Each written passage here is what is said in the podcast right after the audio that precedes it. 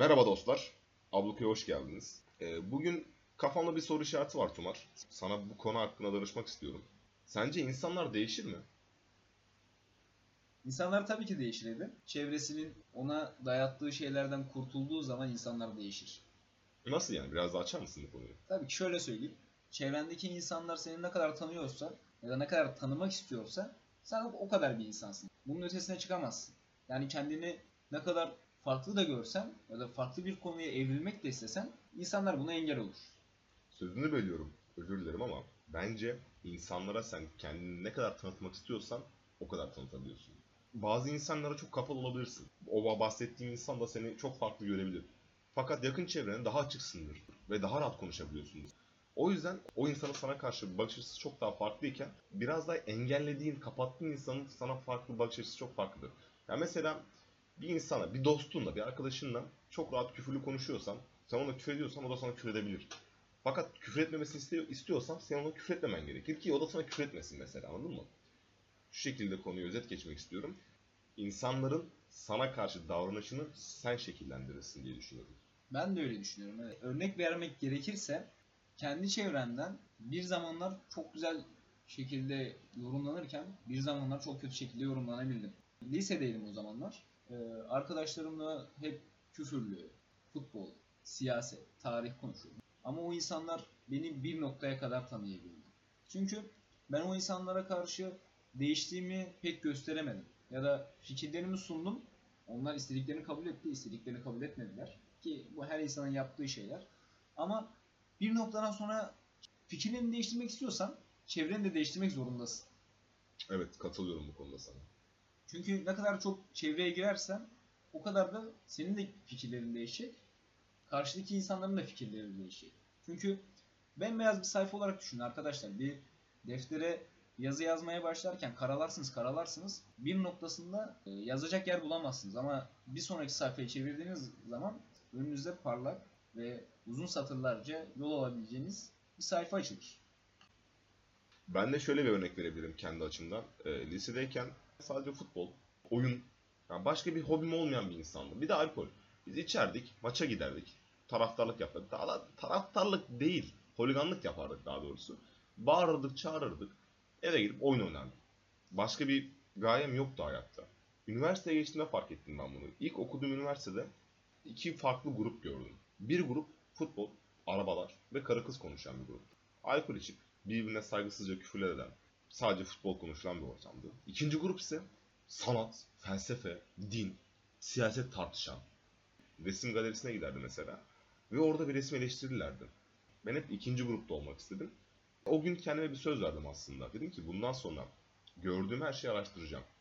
Ve her sene kendime bir konu belirledim. İşte ilk sene konum mesela kuantum fiziğiydi. Bunun hakkında bir sene boyunca araştırma yaptım. Tabii bunun yanında yan konularda araştırdım. İkinci seneki konum dindi. Çok kitap okudum. E, kutsal kitapların birçoğunu okudum. Yani birkaç kez okudum hatta. Ve bundan sonra ikinci üniversiteme gittiğimde ise ilk takıldığım gruptaki gibi takılmadım. Kendim biraz daha entelektüel göstermeye çalıştım ama bunu isteyerek yaptım tabii ki de.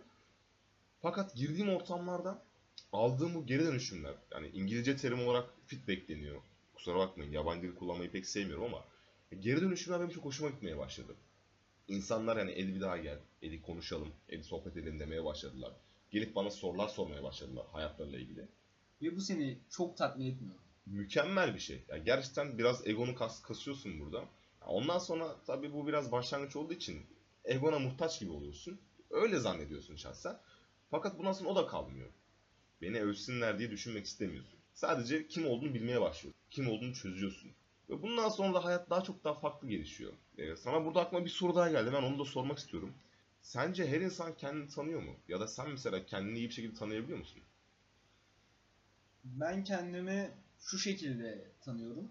Yapmayı sevdiğim şeyler, yapmayı sevmediğim şeyler. Sorumluluk almaktan kaçan bir insanım. Yani bunu en azından kendime dürüstçe açıklayabiliyorum. Ve bu beni bir noktada çok yoruyor. Aslında bu bir yolculuk değil midir? Kendine, evrene ve çevrene yaptığım bir yolculuktur. Yani bir insan ben kendimi tanıyorum hiçbir zaman diyemez bence. Bir ömür de geçse hatta reenkarnasyon olsa iki ömür daha geçirse ben kendimi tanıyorum diyeceğini düşünmüyorum. Haklısın çünkü insan sürekli kendini geliştiriyor ve değişiyor. değiştikçe insanın kendi uyum sağlaması bile zor. Kendini takip etmeye bile zor aslında hayatta. Ama bir nebze de kendi yani kendini biraz tanımak da gerekiyor aslında. Yani ufak da olsa bilgin olacak. En azından kırmızı çizgilerin olacak. İnsanların bunu aşmasına iz- izin vermeyeceksin mesela. Ve bu seni bir birey yapıyor aslında. Bak ilk konuştuğumuz podcast'te de bu konuya bile değinmiştik. Bu seni birey yapıyor. Ve artık insanlar senin kırmızı çizginin ötesine aşmamaları gerektiğini öğreniyor. Bence bu da bir önemli bir konu diye düşünüyorum ben. Peki Edir ben sana bir soru sorayım. Tabii ki de. Senin kırmızı çizgilerin nelerdir? hayatında yer edinen şeyler var. Ya mesela ben alkol kullanan bir insanım. Bunu sen biliyorsun. Hatta fazla kullanan bir insanım. Ama bu iyi bir şey olduğu için demiyorum. Gerçekten önermiyorum da. Alkol, sigara kullanan bir insanım şahsen. Ve ben bunlara mesela dokunmasını sevmiyorum. Ya birinin bunun hakkında yorum yapmasını sevmiyorum. Edi tamam içme artık. Edi bugün içme. Deme, demelerini istemiyorum. Ya bu benim şahsi düşüncem.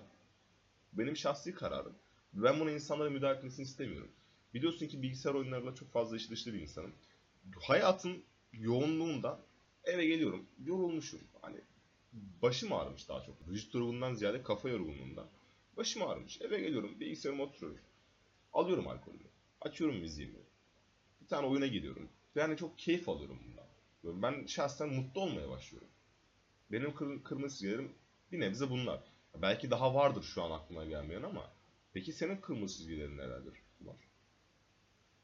Bunu kısaca söylemem gerekirse özgürlüğüm ve adaletsizlik benim en büyük kırmızı çizgim.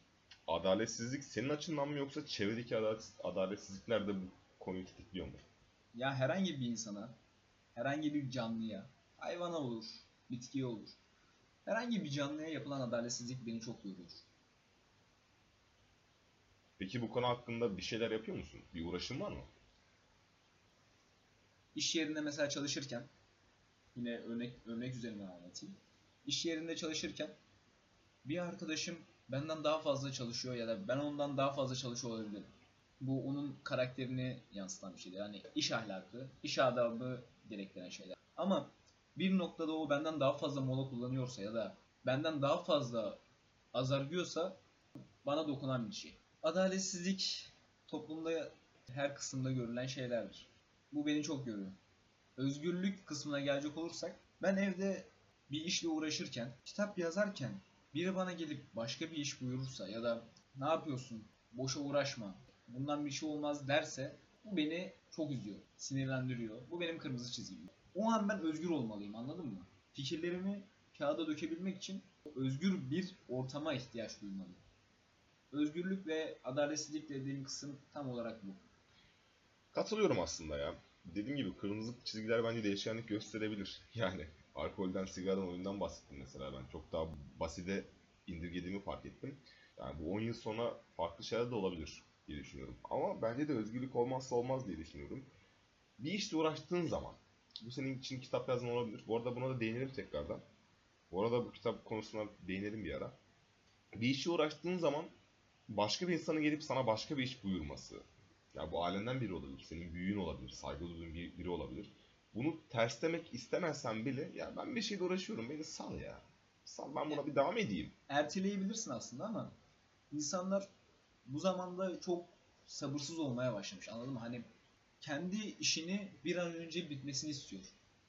Senin işin onun için ya da o anki durum için hiçbir önem arz etmiyor.